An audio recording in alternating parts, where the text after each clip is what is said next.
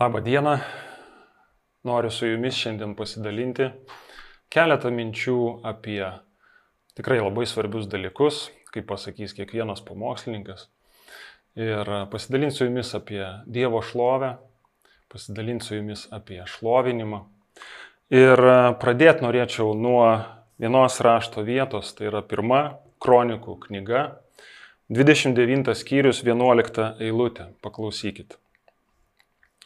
Tavo viešpatė yra didybė ir galybė ir pergalė ir šlovė ir išaukštinimas. Nes tau priklauso visa danguje ir žemėje. Viešpatė, tavo yra karalystė ir tu esi valdovas virš visko. Štai tokia nuostabi rašto vieta. Ir tai yra ištrauka iš Izraelio karaliaus Dovido maldos, dar vadinamo himnų, kada jisai meldžiasi šlovindamas Dievą šitais žodžiais, kai visa Izraelio tauta gausiai parašyta aukojo viešpatės namų statybai. Ir Dovydas jis ne kažkaip formaliai parenka kažkokius tinkamus žodžius, bet matosi, kad jis labai džiaugiasi. Taip ir parašyta, jis labai džiaugiasi. Ir jisai kalba Dievui iš širdies. Apskritai, jeigu kalbėsim apie šlovinimą, tai neįmanoma šitą temą kalbėti nepaliečiant Dovido, karaliaus Dovido kaip pavyzdžio, todėl kad šlovinimas Dovido gyvenime jis buvo natūralus, jis buvo nuoširdus, jis buvo atviras, paprastas, kylantis iš tikro santykio su Dievu. Jisai sako, tavo viešpatė yra didybė ir galybė ir pergalė ir šlovė ir išaukštinimas. Ir akivaizdu, kad tai tarsi liejasi iš širdies šitie žodžiai ir jie tarsi skirtingi, bet tuo pačiu ir panašus. Ir susidaro tarsi vaizdas, kad nėra žodžių, kaip išsakyti to džiaugsmo, kurį patiria Dovydas. Jisai liaupsina Dievą, jis aukština viešpatį, jisai garbina jį, jis sako viešpatė tavo yra karalystė ir tu esi valdovas virš visko. Nuostabi rašto vieta. Kad Dievas yra valdovas virš visko ir jis valdo viską ir kad jam priklauso šlovė, skelbė ir bažnyčia visais laikais. Ir iš tikrųjų tai buvo akivaizdus teiginys, akivaizdi tiesa, nekėlusi jokių debatų ar klausimų ištisus šimtmečius, bet ne taip yra šiandien. Iš tikrųjų, šiuo metu tai nebėra toks savaime suprantamas dalykas kad ir paimkim šitą temą šlovinti Dievą. Ar tikrai žmogus turi šlovinti Dievą? Kodėl Dievui reikia šlovės? Kas tai per dalykas ir panašiai, čia galbūt kitos atskiros temos uh, mintis būtų, bet uh, iš tikrųjų man galvojant apie tai, kad šiandien kyla klausimai, ar žmogus turi šlovinti Dievą, uh, atrodytų kyla jie iš šitos kultūros, kur mes gyvenam. Pažangos, to progreso vadinamo. Ir kada šiandien aukštinamos yra naujovės, o tai, kas yra iš seniau atėję, tarsi yra kvestionuojama, abejojama tuom, arba mažiausiai siaura, netinka tarsi šiai dienai, nėra aktualu taip, kaip buvo aktualu anksčiau. Ir na, viską galima pataisyti tarsi.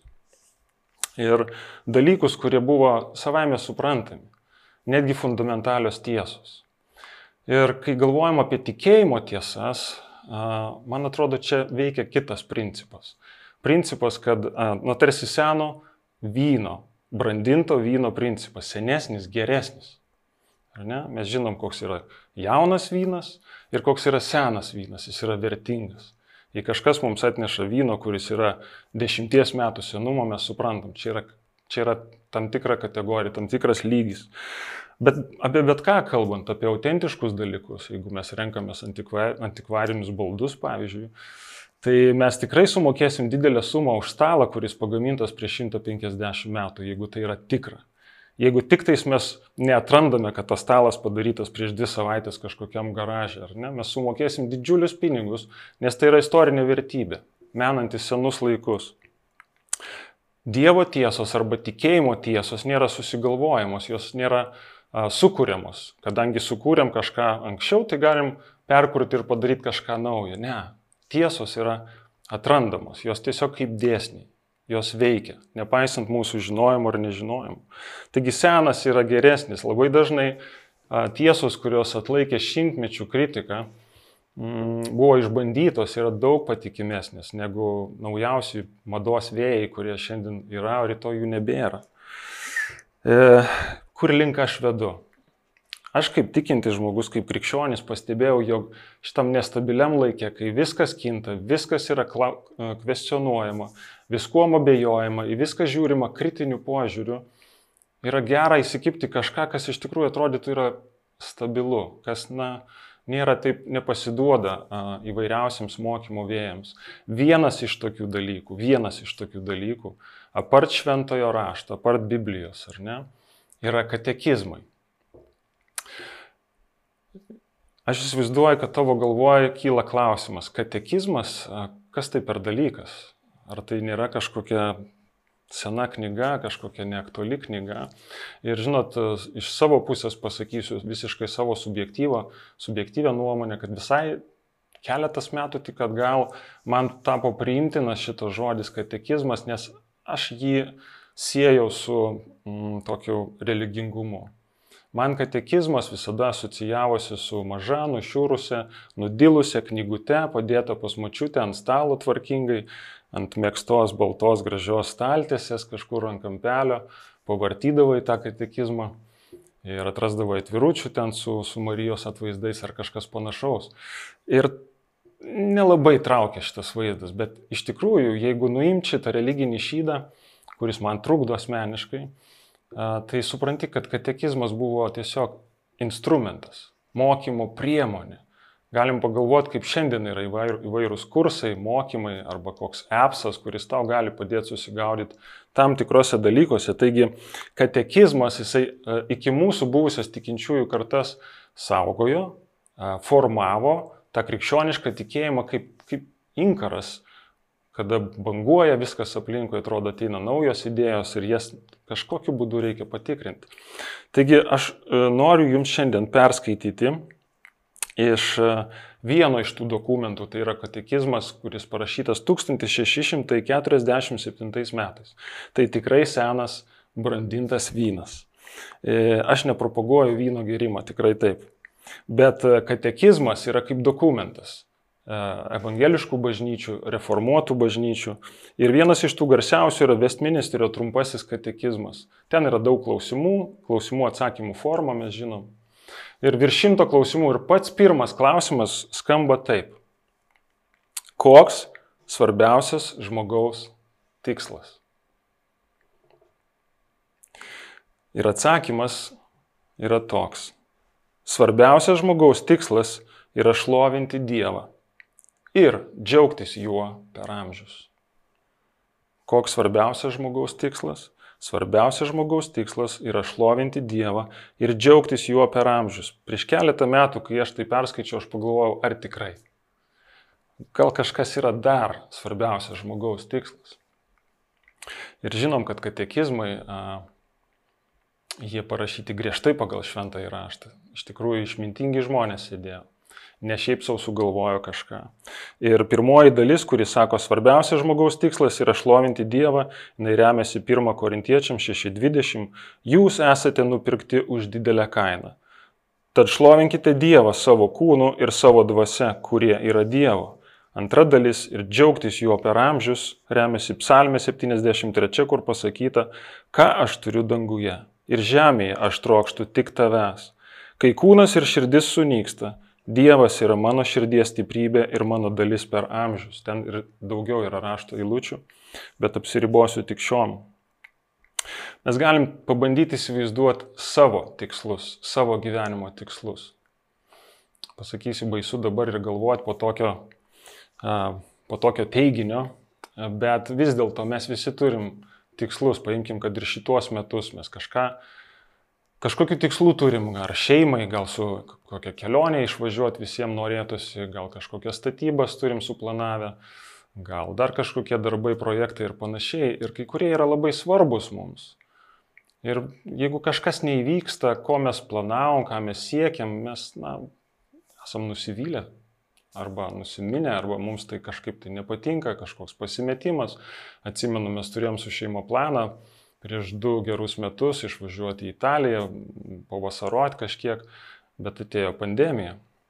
ir visus planus teko atšaukti. Ir tai buvo irgi toks nesmagus momentas. Priešingai, galbūt geri dalykai įvyko, kurių tu sėkėjai ir tu esi laimingas, tu esi stiprus, įkveptas. Ir aš pagalvojau, jeigu mūsų tikslai, kurie galima pasakyti iš mažosios T raidės, tikslai ir tiksliukai, mus taip gali įtakoti, kaip mus gali veikti tas svarbiausias tikslas, kuriam mes esam sukurti išlovinti Dievą. Ir aš įsivaizduoju, kad tas didžiausias tikslas iš T didžiosios raidės yra kaip skėtis, po kuriuo telpa visi mūsų maži tikslai, mūsų svajonės, mūsų norai, mūsų ketinimai, planai ir panašiai. Jie kažkokiu būdu gali išreikšti šlovę Dievui. Nereikia jų atsisakyti, jie gali būti labai geri. Ir visa tai šloviai Dievu, kuris mūsų sukūrė. Mes turime įsakymus šventajame rašte, paliepimus. Ar ne? Mes juos žinom. Pavyzdžiui, neturėk kitų dievų, tik mane vieną. Arba viešpati savo dievą te garbink ir jam vienam te tarnauk. Arba mylėk viešpati savo dievą. Visa siela, visa širdim, visom jėgom, visų protų ir artima kaip save patį. Ne? Tai yra amžini įsakymai. Jie negali pasenti, jie negali būti pakeisti naujais, kokiais nors kitais vėliau sugalvotais įsakymais. Tai yra amžina. Ir jie skirti ne tik šitam gyvenimui, bet ir amžinajam gyvenimui. Gyvenimui, kuris mūsų laukia po mirties. Nes Dievo šlovė yra beribė. Pats Dievas yra beribis. Apie šlovinimo svarbą ir šlovinimo pirmumą mūsų gyvenimuose bei platesnį paveikslą Jonas Piperis, pastorius ir teologas, labai įdomiai kalba, tarsi kontrastuodamas su misija. Misija labai svarbus dalykas mums kaip žmonėms arba kaip bažnyčiai. Tačiau garbinimas, kokią vietą garbinimas užima. Ir jisai sako tokius žodžius, citatos pradžia. Misijos nėra pagrindinis bažnyčios tikslas garbinimas yra. Garbinimas yra svarbiausias, ne misijos, nes Dievas yra svarbiausias, ne žmogus. Kai laikai pasibaigs ir milijonai atpirktųjų garbins prieš Dievo sostą, misijų nebebus. Tai laikina būtinybė. Tačiau garbinimas išliks amžinai. Todėl garbinimas yra misijų pagrindas ir tikslas, citatos pabaiga. Garbinimas yra amžinas. Mes pradedam kažką ragauti šitoj žemėje, mes pradedam šiek tiek suvokti, kas tai yra, šlovinti Dievą. Ir tai tęsis visada, tai tęsis visada. Tai svarbiausias žmogaus tikslas. Ir jis yra pats pirmiausias, apart visų mūsų kasdieninių tikslų, kuriuos mes turim. Mes taip pat suprantame, jog šlovinimas kalbam apie šlovinimą, nėra 3-4 giesmės sekmadienį, ar ne, nors taip gali pasirodyti, kai pirma mintis ateinant į galvą, kalbant apie šlovinimą, yra, na, mes gėdame giesmės Dievui. Be abejo, tai būtų labai siauras a, pastebėjimas, ne? tai tiesa, bet tai ne viskas. Visas mano gyvenimas, visas mano gyvenimas, visi mano pasirinkimai, visa, kas aš esu, kaip aš kalbu, ką aš renkuosi, ką aš perku, kur aš pinigus leidžiu, kaip aš kokius santykius turiu, viskas yra ir gali būti garbinimas Dievo. Tai liečia visas dienas, ne tik sekmadienį tiesa, bet ir sekmadienį, kai mes susirenkam šlovinti Dievą, nes šlovinimas yra ir asmeniškas, ir bendruomeniškas, ir abu du yra svarbus. Nenoriu nei vieno nuvertinti. Ir e, kas kartą kalbant apie bendruomenės susirinkimą, ar tai sekmadienio pamaldos būtų, atėjus į pamaldas mes galim išgirsti, pavyzdžiui, šlovinimo komandą sakančią, šlovinkim viešpatį, ar ne, atsistokim, pakilkim, pakelkite rankas, pakelkite balsų, šlovink viešpatį. Ir aš galiu pasakyti iš savęs, nežinau, kaip būna tau, bet būna momentų, kada aš nenoriu šlovinti. Aš tiesiog noriu stovėti rankos kišeniai susikišęs ir tiesiog na, iš mandagumo stovėti, bet man šlovinti nesinori. Ir aš tarsi duodu savo leidimą taip daryti. Aš tarsi sakau, Dieve, tavo gerumas šiandien man nėra toks ryškus. Aš turiu problemų, aš turiu kažkokią blogą nuotaiką, kažkas su manimi yra, kažkas man yra didesnio nei tu ir man nesvarbu tai, kad mano tikslas šlovinti tave. Aš pats turiu kitų tikslų šiandien. Ir iš tikrųjų mano kūniškumui nepatinka šlovinti. Jam tinka stovėti tiesiog. Nesvarbu, kokia situacija mano, mano gyvenime, aš norėčiau tiesiog pabūti nuo šaly. Ir aš galvoju, kad kadangi Dievas sukūrė mus šlovinti, tai yra tikėjimo žingsnis. Labai dažnai tai yra tiesiog tikėjimo žingsnis, kada aš lipu per save ir sakau, viešpats yra vertas, nepaisant to, kaip aš jaučiuosi. Čia galime mes praktikuotis, tame mes galime aukti, visai būna. Pagrindas šlovinti Dievą, kaip aš sakiau, Dieve, man šiandien bloga nuotaika, ne? tai tarsi sąlygos Dievo. Jeigu būtų gera, va aš šlovinčiau. Jeigu man būtų viskas tvarkoj namuose, aš greičiausiai būčiau linksmas, aš galėčiau šlovinti tave. Bet iš tikrųjų pagrindas šlovinti Dievą nėra a, sutvarkytas mano gyvenimas, subalansuota mano kasdienybė, a, dori vaikai arba kažkoks pavykęs pasisekęs projektas visuomeniai, tarkim. Tai nėra a, netgi nugalėta kažkokia įda mano charakterio. Va viešpatė, aš kovojau su tuo ir savo silpnybę aš nugalėjau. Valio. Iš tikrųjų, nebūtinai. Mes neturime tokių sąlygų. Dievas nesako, jeigu tu susitvarkysi ir jausies gerai, kai tu jausies nuoširdžiai, va tada ir šlovink. Galiu pasakyti tau iš patirties, labai reti bus tie momentai, kada tu jausies nuoširdžiai ir viskas tau bus gerai. Tai nereiškia, kad mes galime turėti išimti ir negarbinti Dievo ir nešlovinti Jo. Nes vienintelė sąlyga šlovinti Dievą ir garbinti Dievą yra tai, kad tu gimiai tu esi žmogus, tu esi kūrinys. O kūrinys, jis garbina kurėją. Jis garbina kurėją. Psalmėse net yra pasakyta, visa, kas kvepuoja, te šlovina viešpatį.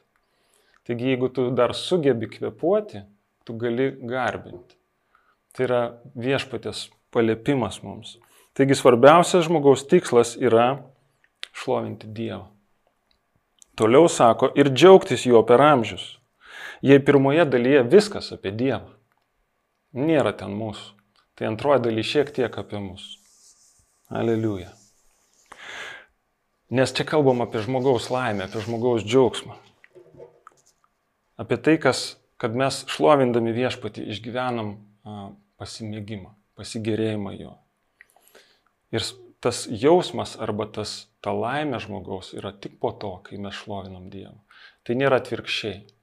Ne? Psalmė 37, ketvirtoji lūtė sako, gerėkis viešpačiu, pirmas dalykas. Ir jis suteiks tau, ko geidžia tavo širdis. Antras dalykas. Pirma Dievas, paskui tu. Pirma garbinimas, paskui misija. Ne? Tavo ir mano atsakomybė yra atrasti Dieve pasimėgimą tiek, kad jis viršytų mano džiaugsmą, mano mėgavimąsi visais kitais dalykais, kurie man kažkokį tai džiaugsmą atneša. Santykiai, kažkokia karjera, sportas, ar tai žmonių palaikymas, pritarimas, kas tai bebūtų, prie ko taip lengvai prisiriša mano širdis. Ką taip lengvai pamilsta mano širdis, jeigu tai viršyje pasimėgimą viešpačiu, aš turiu su to kovoti, aš su to turiu tvarkytis. Nes kaip taisyklė tai tampa stabais arba tai užima vietą, kuri priklauso vienam Dievui. Ir tai nėra savaiminis dalykas, brangieji, tai yra kova, tai yra tikėjimo kova ir mums teks kovoti, nes visada viduj ta senoji prigimtis, jinai norės kontroliuoti ir valdyti ir neatiduoti Dievui šlovės. Labai svarbus dalykas, kurį noriu pasakyti, kalbant apie šlovinimą. Gera, kai mes žinome, jog Dievas mūsų sukūrė šlovinti jį, kad mūsų pagrindinis tikslas yra šlovinti jį ir kad vertas Dievas yra viso šlovės. Vis dėlto šlovinimas ir garbinimas jis nekyla iš žinojimo. Jisai kyla iš vidinio matymo. Iš vidinio matymo.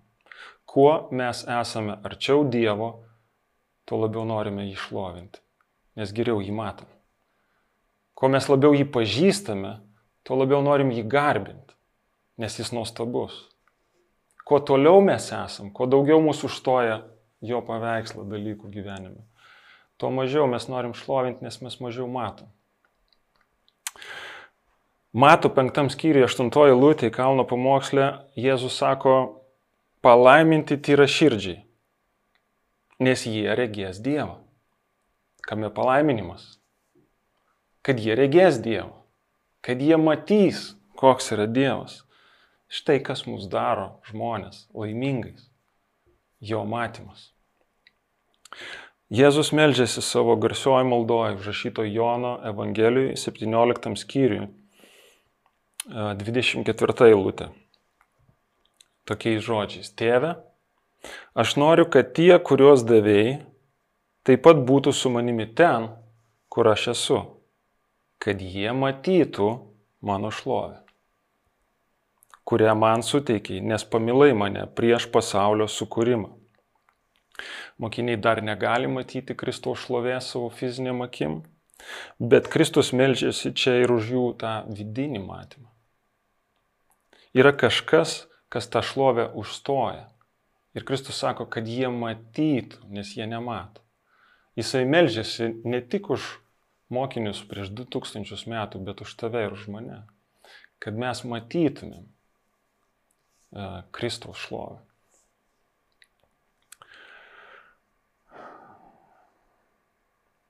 Su matymu labai yra įdomi. Jėzus vienoje vietoje sako, mato 13 skyriui 13 eilutėje, aš jiems kalbu palyginimais, todėl kad jie žiūrėdami nemato, klausydami negirdi ir nesupranta. Kaip supras žodžius žiūrėdami nemato? Gi žmonės žiūri. Viskas, ko reikia matymui, nu tiesiog žiūrėti. Ir jie sako, nemato. Ir aš galvoju, gal čia yra kaip su tuo a, garsiuoju vyrų tuneliniu matymu. A, nežinau kaip jūs, bet esu save pagavęs. Aš atsidariau šaldytuvą ir aš žinau, kad ten yra majonezas. Jisai ką tik ten buvo. Ir aš jo nematau. Ir man jau nervas įma, nes aš jo nematau. Ir aš sakau, žmonai, gal tu man pasakysi, kur majonezas, sako, gal man atei tau ir parodyti. Ir aš sakau, nereikia, aš pabandysiu pats atrasti, aš tiesiog jo nematau. Ir ne, ne viską galim matyti savo fiziniam akim, netgi tai, kas prieš mūsų nosį padėta. Nekalbant jau apie sudėtingus gyvenimo dalykus, ar ne? Kartais sako žmonės, o kad pamatyčiau, patikėčiau, nebūtinai. Mes galim nusivilti savo fizinių regėjimų. Žiūrėkit, žmonės prieš 2000 metų, tokie kaip tu ir aš, matė Jėzų fiziškai vaikštantį, jie valgė kartu su juo, jie matė, kaip jisai laiką leidžia, kaip jis melžiasi, kaip jisai kalba, kaip ligoniai pagyja netgi. Ir vis dėlto jie nematė, kas jis toks yra, jie, ne, jie, ne, jie neturėjo to prieiškimo, jie negalėjo suvokti, kas prieš juos toksai yra. Jiems tai buvo dailydės sunus. Jėzus kalba apie matymą vidinėmis akimis. Vidinėmis akimis. Jie žiūrėdami nemato, o matyti yra svarbiausia, ne tik žiūrėti. Ir aš galvoju, kad mes galime padaryti, kad žmonės žiūrėtų, bet negalim padaryti, kad jie matytų. Mes galime suorganizuoti, kad jie atkreiptų dėmesį ir kad jie žiūrėtų, kad jiems būtų įdomu, bet negalim padaryti, kad jie pamatytų. Tokia yra puolusio žmogaus nuo Edeno laikų būklė. Ne tik Kristumi nesekančio žmogaus, ar ne, net gimusio, netikinčio mes sakom, kuris nieko bendro su Kristumi neturi, nematymas, bet taip pat ir tikintis žmogus gali būti nematantis tikrovės, nematantis realybės. Nes, pavyzdžiui, apreiškimo knygoje Jėzus sako, paturiu tau įsigyti tepalo akims pasitepti, kad tu praregėtum. Jisai kalba bažnyčiai. Ar ne? apaštalas Paulius Efeziečiams, pirmam skyriui 18 eilutėje, jisai suvokdamas dvasinį tikrovę ir grėsmės, jisai meldžiasi už bažnyčią, sakydamas, kad apšviestų jūsų širdies akis. Va būtent meldžiasi, kad apšviestų jūsų širdies akis, kad pažintumėte, kokia yra jo pašaukimo viltis kokie jo palikimo šlovės turtai šventuosiuose. Tai nėra akivaizdu, tai reikia pamatyti ir apaštalas meldžiasi.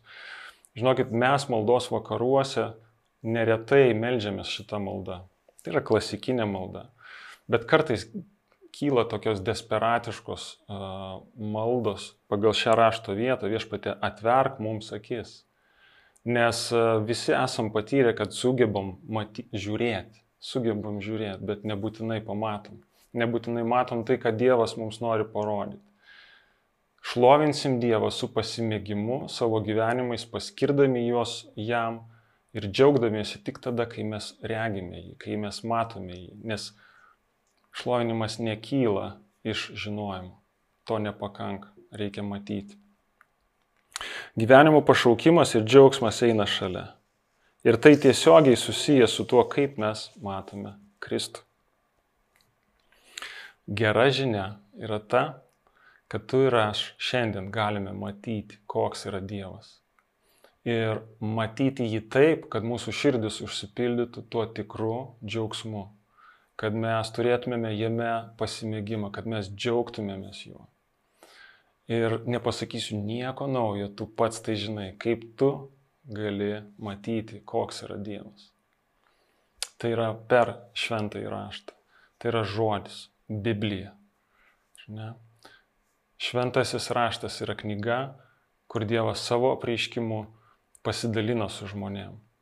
Ten yra viskas, ko reikia dievotumui, pamaldumui ir jisai viską mums suteikia. Ir tikėjimas kyla e, iš Dievo žodžio. Dievas apsireiškia per savo žodį. Pacituosiu vieną rašto vietą iš, iš Seno testamento, pirmo Samuelio, pranašo Samuelio knyga, trečias skyrius, 21 eilutė. Ir ten pasakyta, viešpats ir toliau pasirodydavo Šilojuje, kur apsireikždavo Samueliui savo žodžiu. Net Senajame testamente tai buvo autoritetas. Dievas apsireikždavo savo žodžiu. Ne angelas yra rodiklis, ne ženklai ir stebuklai yra kažkoks dievotumo ženklas ir rodiklis. Dievo žodis. Nekintantis Dievo žodis, kuris būtinai e, išsipildys, nes tai yra tiesa nes tai yra tiesa. Dievas pasirodydavo ir apsireikždavo pasakyta per savo žodį. Ir brangieji, šiandien 21 amžiuje, kada tiek technologijos pažengusios, progresas ir pažanga, kai dirbtinis intelektas yra visur dėgiamas, nepasikeitė šita tiesa. Dievas kalba per savo žodį. Ir Biblijos skaitimas, alfa kursas, beta, gama, Visų šitų pagrind, kursų pagrindinis tikslas nėra, kad mes kažką naujo išgirstumėm ir sužinotumėm, nors tai taip pat gali būti. Bet svarbiausias šitų kursų arba mūsų kelionės kartu tikslas yra pamatyti Jėzų. Pamatyti jį vienas dalykas, bet ir regėti jį vis ryškiau. Regėti jį vis ryškiau. Šita knyga yra apie jį. Paklausyk dar vieną svarbų dalyką apie Biblijos svarbą. Kiek metų mes bebūtumėm tikinčiais ir kiek kartų bebūtumėm vartę šitą knygą, mes negalim jos padėti taip, kaip mes ne, nenustojam vandens gert kasdien arba duonos valgyti, ar ne? Tai yra be galo svarbu, nes išgelbėjimas, mes žinome, yra iš malonės per tikėjimą, bet tikėjimo nėra išgelbėjimo. Kiekvienas iš mūsų, kuris turime tikėjimą Dievu Jėzumi Kristumi, negavome jo be šventojo rašto. Jis atėjo per Dievo žodį. Ir tai nėra vienkartinis veiksmas, kuris įvyko mums atsiverčiant į viešpatį kažkada. Tai buvo vienas įvykis ir tada mums reikėjo Dievo žodžio ir Dievo žodžio dėka tai įvyko mūsų gyvenime. Gimė tikėjimas ir mes sekame Kristumi, bet tai yra nuolatinis veiksmas šiandien besitęsintis kada šventoji dvasia mus gano būtent per tą patį Dievo žodį. Mes niekada neišauksim ir neperauksim šitos knygos, kiek metų bebūtumėm bažnyčiai, bendruomeniai, tikintis ir panašiai. Tai yra šulinys, kuris ne, neišsimiamas. Ir tą tikėjimą viešpats šventoji dvasia jinai stato mumise Dievo žodžio pagalba, tik tais Dievo žodžio pagalba. Štai kaip svarbu yra skaityti žodį, nes jis mums atveria akis pamatyti, koks yra Kristus ir tada mes galim su džiaugsmu išlovinti. Man patinka tas įvaizdis, kada sakoma, jog šventoji dvasia kaip menininkas su teptuku rankose piešia mūsų vidiniams akims Kristaus, mūsų atpirkėjo, mūsų gelbėtojo paveikslą. Pas vienus jau ryškus paveikslas, pas kitus dar tik tais kontūrai matosi, bet vis dėlto tai Kristaus paveikslas mūsų širdims. Ir tie dažai yra tas Dievo žodis. Tai nepritrūksta tų dažų šventai dvasiai, kad nupieštų visą pilną paveikslą tokio Kristaus, koks jis yra iš tikrųjų, kad garbintumėm jį, kad džiaugtumėmės juo, kad kiek bebūtumėm nuėję, darytumėm vis daugiau pažangos. Ir aš noriu padrasinti broli, sesę, kiek tu bebūtum metų bažnyčiai, kiek bebūtum girdėjęs pamokslų ar perskaitęs knygų. Kristus yra tavo ganytojas. Jis yra nuostabus, jis yra vertas garbinimo, vertas šlovinimo. Taigi 1 kronikų 29, 11. Tavo viešpatė yra didybė ir galybė ir pergalė ir šlovė ir išaukštinimas, nes tau priklauso visa danguje ir žemėje. Viešpatė, tavo yra karalystė ir tu esi valdovas virš visko. Noriu pakviesti tave maldai. Svarbiausias mūsų tikslas tarp visų mūsų mažų tiksliukų yra garbinti Dievą. Yra aukštinti jį, nes niekas jam neprilyksta. Mes jo kūriniai, o kūriniai garbina kūrėjai. Jeigu kvepuojame, galime tai daryti, nepaisant bangų ir vėjų, kurie siaučia aplinkui. Ir jeigu tu pavargai, jeigu tu šiandien galvoji, kad tai liko formalumas iš mano tikėjimo, galbūt šlovinimas liko formalumas, niekas nebekabina mano širdies, galbūt niekas nebepaliečia giliai mano dvasios. O galbūt man pakanka labai paviršutiniškų dalykų ir aš neklausinėjau per daug. Aš noriu paraginti tave šauktis viešpatės. Tai yra kova ir Dievas duos tau jėgų, kad tu perliptum ir per save, ir per tas kliūtis, kurios tavo keliai tam, kad iš tiesų šlovint viešpatį. Nes pagrindinis tikslas žmogaus yra garbinti Dievą ir džiaugtis juo per amžius. Todėl šventoji dvasia mes prašom tavęs. Pripildyk mus savimi viešpatė pagirdyk mus savimi, ten, kur mes esam dabar, tiesiog dabar, šią akimirką, kurie klausosi ir žiūri šitą laidą viešpatė, pripildyk mus savo dvasia, kad mes garbintumėm tave, šlovintumėm tave, kad mūsų akis nebūtų apsiblaususios ir jos regėtų tave viešpatė. Vis ryškiau ir ryškiau mes artintumėmės prie tavęs ir pažintumėm tave tokį, koks tu esi.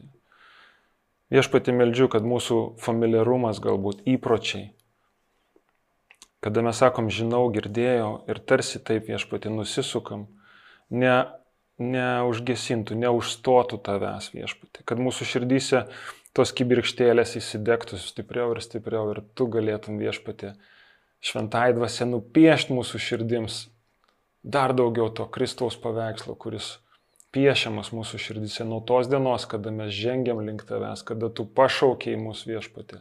Tai be galo brangu. Meldžiu už kiekvieną, kuris žengia pirmosius žingsnius viešpatį. Kad mūsų laukia nuostabus dalykai viešpatį. Daug nuostabesni nei jie buvo praeitįje. Viešpatį meldžiu padrasinimo kiekvienam iš mūsų, sustiprinimo ir įkvėpimo viešpatį sekt paskui tave ir garbint tave savo kasdienybėje tiek broliškam susirinkime viešpatė. Iš širdies, iš sielos gelmių viešpatė. Aukštint tave ir tavo vardą šventą. Dėkojom tau, nes tau priklauso gyrius ir padėka per amžius viešpatė. Amen.